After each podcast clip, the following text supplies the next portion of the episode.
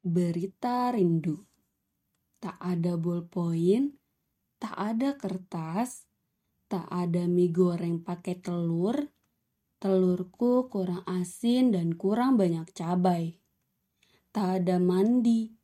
Berhari-hari aku berusaha untuk mematikan siaran rindu di dalam kepala dengan pembaca berita yang membaca berita rindu berulang-ulang.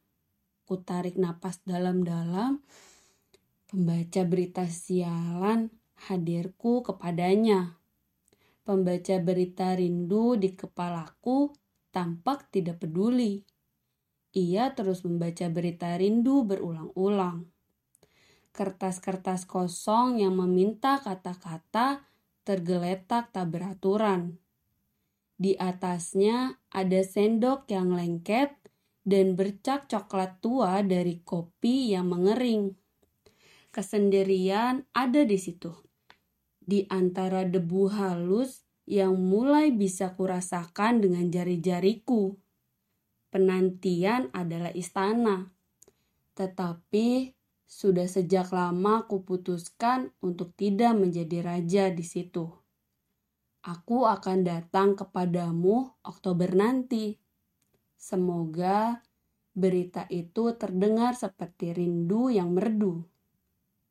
Maka September kini adalah kutukan, karena bulan ini adalah sebuah penantian panjang.